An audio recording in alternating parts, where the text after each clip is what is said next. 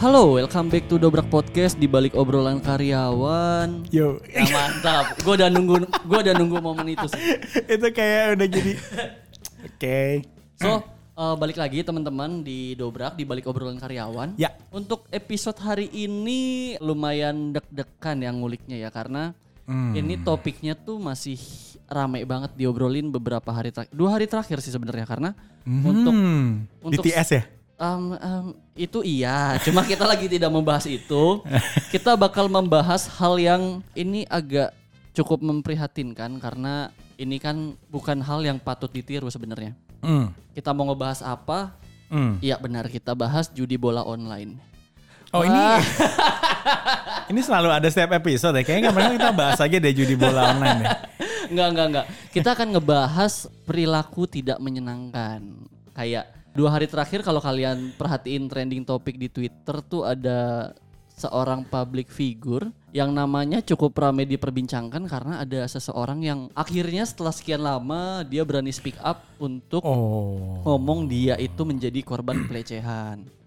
I see. Nah itu tuh impactnya bisa ke mana-mana tuh. Salah satunya ke kerjaan dan karirnya dia. Karena kan dia ya namanya juga influencer ya. Jadi kerjasama dengan be- beberapa brand. Dia juga mungkin bisa jadi pemilik usaha juga dan usahanya bisa terpengaruh juga nggak sih secara nggak langsung. Iya so sih. Iya sih. cuma kita nggak mungkin ngebahas orang itu ya mas ya karena nggak ada konteksnya dengan berkarir. yes. Mungkin kita belokin sedikit aja ke kira-kira kejadian ini tuh bisa terjadi nggak sih di lingkungan kantor? Gitu. Wow.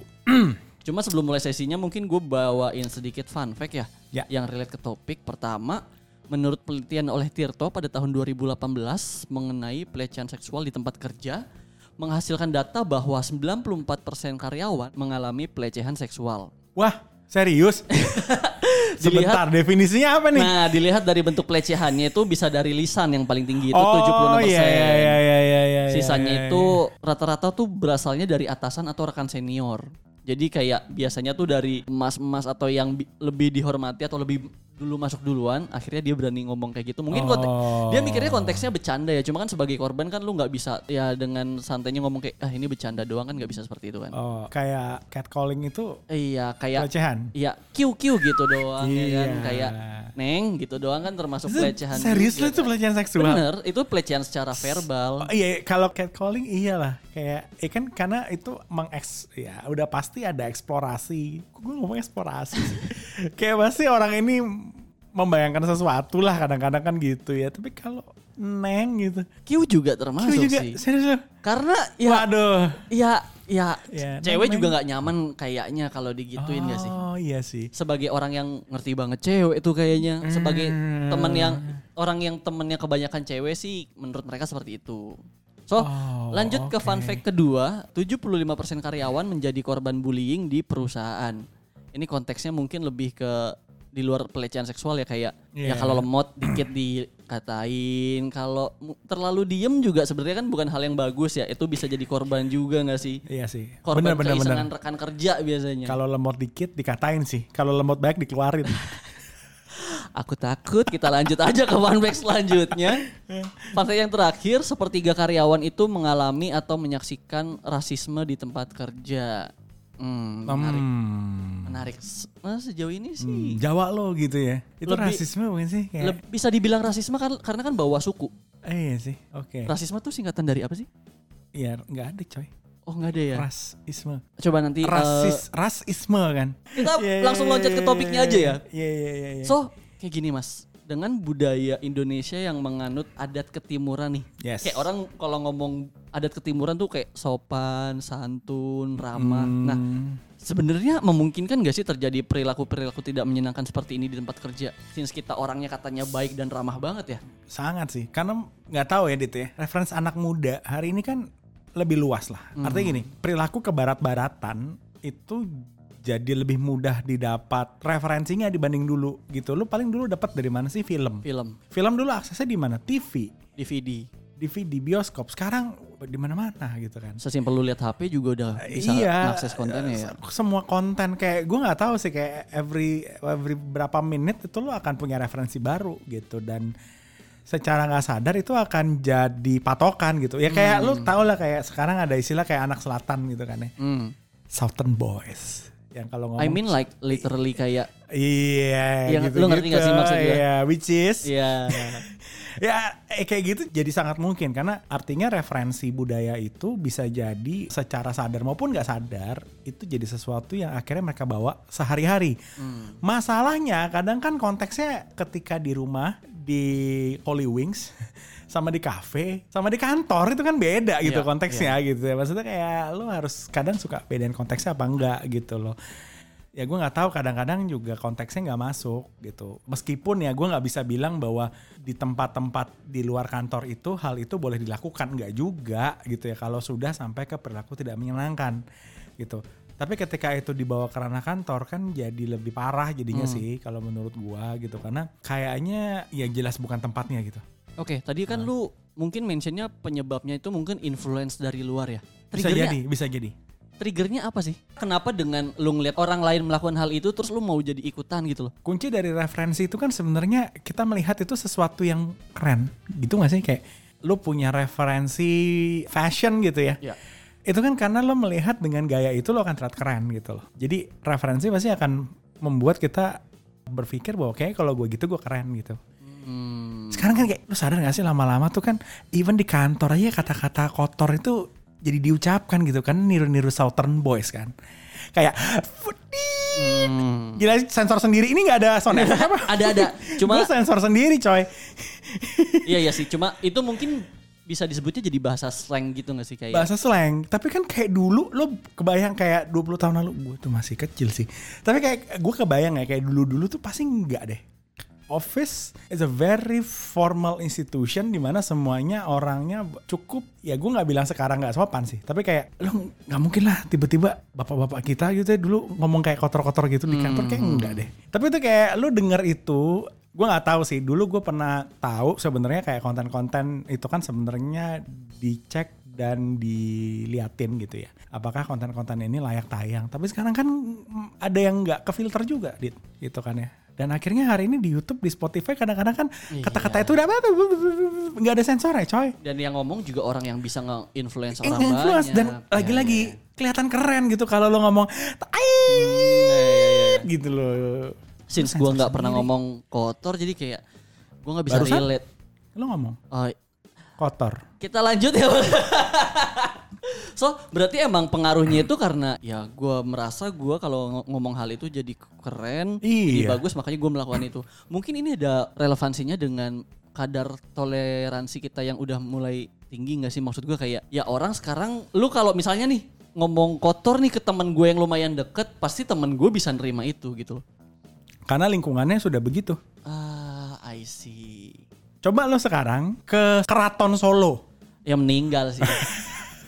di tengah-tengah alun-alun lo ngomong dengan bahasa lo sekarang itu kayak semua orang kan ngeliatin ini alien dari mana kan gitu Iya iya iya iya. gue gue ngeliatnya itu udah jadi norma sosial new new apa ya, social norm yang baru aja gitu loh termasuk ke- kita bahas soal public figure yang ini ya Hmm. kan tidak ada yang mencegah sebenarnya yang lain malah kayak teman-teman di posisi Mencoba mencoba untuk memaklumi Iya iya iya. Padahal itu jelas-jelas secara norma kan ya kalau itu terjadi ya, gue nggak tahu itu jadi apa enggak. Tapi kalau itu terjadi kan kayak kalau bener-bener nggak ada yang bantuin malah kayak dibully gitu, ada bully tambahan dan ada kata-kata yang tidak layak diucapkan diucapkan. Itu kan berarti secara norma di tempat itu itu sesuatu yang wajar. Hmm, balik lagi lingkungan yang mempengaruhi ya. Sekarang gini, lo di lantai 5 kadang-kadang kita ngomongnya ha Iya, iya, gitu kan ya. Coba lo ke lantai 8 ngomong kayak gitu. Meninggal.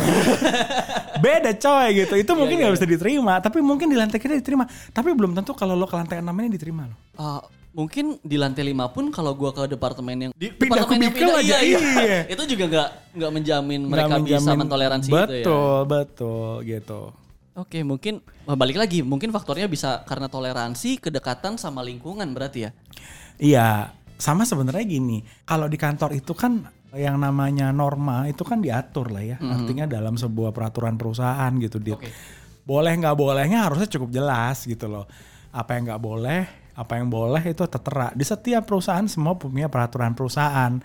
So buat teman-teman yang hari ini mungkin newbie di kantor, itu salah satu yang harus lo baca pertama kali sih, gitu ya. Di luar biodata siapa saja yang masih jomblo, gitu ya. Oke. Tapi kayaknya lo mesti baca gitu. Iya, itu iya. peraturan perusahaan tuh clear banget gitu loh. Maksud gua di situ lo bisa tahu sebenarnya apa yang diterima dan apa yang tidak diterima gitu. Dan setiap perusahaan mesti jadi lo masuk lo kan dulu advertising dong. Lo masuk ke sini tipes kan. Iya. Eh, maksudnya Shock selain culture. shock culture kan. Maksudnya lo juga bisa ngelihat karena apa itu juga dibentuk oleh dua hal sebenarnya Dit. Satu namanya peraturan perusahaan yang jelas yang menurut gua sifatnya adalah ya, aturan gitu ya. Satu lagi adalah culture yang lo bilang tadi. Di kita ada empat gitu kan. Eh, culture itu ya integrity, teamwork, customer satisfaction dan quality. Hampir lupa. ini berarti berarti ini masuknya lebih ke integrity berarti ya. Gimana caranya lu bisa menghargai orang lain terus lu juga memegang teguh integritas. Wah, di translate doang, Eh, guys. sebentar, sebentar. Eh, eh, Ben, apakah itu maknanya? Sepertinya Didit perlu ikut training lagi. Sorry, Ben. Nanti kita ngobrol secara terpisah aja ya. Aduh, kayaknya mesti ada kelas lagi nih. Ya, ya bagaimana kita bisa tahu mana yang baik gitu kan ya. Terus gue salah juga. Ben kelasnya buat dua orang ya, Ben ya. Thank you ya, Ben.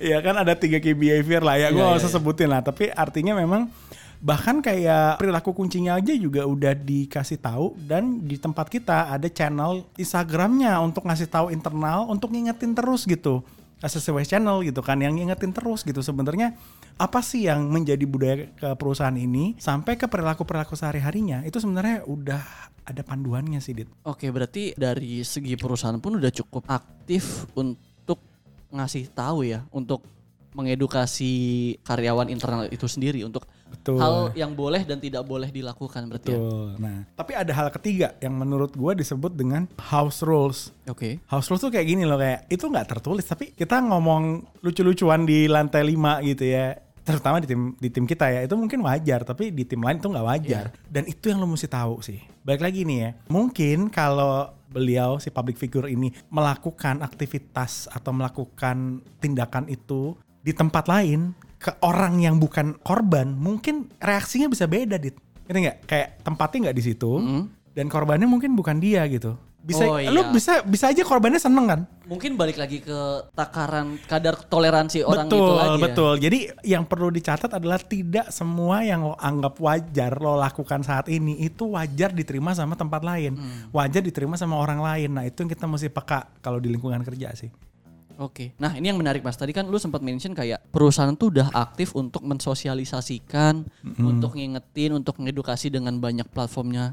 Kayak tadi ACC West Channel, terus kayak ACC Perhatian juga gue lihat juga cukup cukup aktif kan di situ kan. Hmm, hmm, hmm. Di luar itu juga eh, dari perusahaan juga udah membuat peraturan perusahaan di mana itu udah jadi kayak pedoman kalau lu mau kerja di sini nggak sih? Betul. Nah, ada nggak sih peran peran lain yang mungkin yang udah dilakukan khususnya di ACC sendiri ya buat mencegah hal-hal yang tidak menyenangkan ini terjadi gitu loh. Yang pasti ketika ada batasan-batasan, ada aturan yang jelas, pasti ada yang namanya resiko. Resikonya sudah pasti kita sosialisasikan juga. Nah, bagaimana bisa mencapai resiko tersebut? Tentunya kan kita nggak punya polisi ya. Kalau di negara ada polisi dit gitu kan yang ya menegakkan peraturan, yang patroli di kita kan nggak ada. Nah makanya kita punya yang namanya ACC whistle gitu kan yang semua orang tuh anonimus bisa melaporkan dan akan diinvestigasi tanpa perlu ada rasa takut gitu Oke. kalau dia melaporkan hal yang benar. Yang kayak gini-gini sebenarnya disarankan juga untuk di banyak organisasi sih menurut gue ya karena memang balik lagi hari ini normnya bergeser rasanya menyenangkan dan tidak menyenangkannya perlu diliatin kembali dan ketika tidak menyenangkan itu harus ada saluran pelaporannya Iya. gitu. Beruntung kita di ACC punya sih Dit sebenarnya. Jadi kalau kadang-kadang gua melecehkan lu gitu lu bisa lapor. Eh, ngapain ya? Mungkin bukan gua, mungkin Apri kali ya. Ah, Ngapain juga? itu kayak objek bersama gak sih? Oke, berarti berarti di sini lu nge-state kalau perusahaan khususnya di ACC itu udah aware dengan hal ini dan memfasilitasi dengan baik ya kan? Iya dan ada investigasinya gitu. Artinya juga nggak semata-mata bisa jadi kan kayak gua nggak suka sama lo terus gua Iya. kayak fitnah lo gitu iya, kan. takutnya ujungnya ke sana. Iya, Nah, semuanya udah di ini kok. Ada sistemnya dan itu juga cukup baik sih menurut gua. Oke, kalau kalau sistemnya kan mungkin nanti ada mungkin ada emang ada sosialisasinya dari dari tim IR nggak sih biasanya yang ngurusin kayak gitu? Ya, jadi sebenarnya ketika ngomong sosialisasi ya rasanya semua sebagai karyawan ketika tahu bisa loh. Atasan juga langsung bisa lo kasih tahu ke bawahan gitu bahwa kita punya beberapa kita bilang perangkat lah ya, perangkat organisasi gitu loh ya. Timnya ada sendiri juga yang menangani dari protris manajemen, dari race dari race juga ada gitu di mana sebenarnya semua juga bisa uh, intinya secara sistematis itu sudah tersusun gitu Dit. sehingga memang clear gitu jadi nggak ada yang merasa kok gue difitnah atau segala macam terus harusnya sih dengan key behavior nomor berapa tuh yang berani mengungkapkan gitu ya itu kan kita juga harusnya tahu ketika kita tahu perilaku yang benar kita berani ngungkapin kalau ada yang Itu salah integrity sih. bener kan Iya iya iya. berarti gue bener Iya, iya, kelasnya iya, cuma buat lu Ah kan gue jawab berarti gue tahu dong. Eh Ben Oke oke. So berarti ya ya kita udah fasilitasin, lu bisa akses kapan pun. Nah untuk mekanisme pelaporannya seperti apa sih mas? Yang lu tahu? Wadaw. download di application gitu ya. Lo Oke. download aja dan di situ clear banget kalau dit ada gitu. Ada instruksinya ya. Ha-ha, so- kebetulan gue belum pernah ngelaporin gitu. Tapi gue pernah kayak uh, trigger orang untuk melaporkan Hmm. gitu karena semua ada salurannya kok kalau lo nggak suka. Bukan nggak suka karena memang subjektif ya karena ada se- sebuah perilaku yang mungkin lo tahu dan lo merasa bahwa itu tidak layak dilakukan di kantor. Oke, so uh, harapannya mungkin dengan dengan adanya channel atau platform ini ya nggak terjadilah kemungkinan kemungkinan adanya apa pun itu ya konteks yang tidak menyenangkan baik itu pelecehan seksual, pelecehan Iya. secara verbal atau tindakan apa pun yang bisa merugikan orang lain. Ya, setelah ini Didit akan banyak dilaporkan. Silahkan melapor semua ya. So, Silahkan lapor. Eh, mungkin eh, karena lu udah ngomong kayak gitu, gue harus pamit ya maksudnya. Kayak udah cukup segini aja untuk sesinya karena udah lebih dari 20 menit juga. So Yes. sekali lagi teman-teman, kayaknya emang harus dipikirin baik-baik deh mulai dari sekarang kalau lu mau ngomong sesuatu ke orang lain, lu harus ngukur nih orang ini bisa mentoleransi itu atau enggak. Enggak cuma omongan doang sih, tindakan, Tindakan. apa pun. Kayak mungkin lu biasa noel-noel tangan temen lu ya kan. Ah, Terus ya orang belum tentu bisa nerima itu juga nggak sih? Itu yang harus dipikirin mulai dari sekarang ya. Toh mencegah terjadi hal-hal yang tidak menyenangkan itu. Barusan lo melakukan hal tidak menyenangkan. Contoh, Dia semprot disinfektan ke tangannya coy. contoh Nisha. Contoh kan. Nah ini gue ngecek toleransinya nih. Iya, iya. Kok jadi Nesha? Kemarin Villa. Sebelumnya Emang- Christine. Ini gimana sih kita ganti-ganti? Hybrid mas, biar semua anak intern kita tuh bisa jadi orang-orang yang punya value. Kayaknya gue akan buatin konten suatu hari buat mereka bertiga deh. Boleh, boleh. Lucu-lucu boleh soalnya. Kayak BTS. Wah. banget. Ah, takut diserang army. so, paling gitu aja. Thank you sekali Yes. lagi Mas Otto atas penjelasannya. Thank you juga ingat ya bahwa teman-teman apa pun yang lo anggap wajar bisa jadi tidak wajar ketika lo terapkan di lingkungan yang mungkin berbeda normanya. Itu aja Jadi, sih dari gua. Perhatiin lagi Betul. tentang apa yang akan lo lakukan ke depannya. So, Betul. buat teman-teman yang lagi mencari peruntungan dalam hal karir, kalian bisa cek semua posisi yang terbuka di ACC lewat landing page kita di karir.acc.co.id. Sekian dari gua, gua Didi Triadi. Oto. Sampai jumpa di konten selanjutnya. Bye. Bye.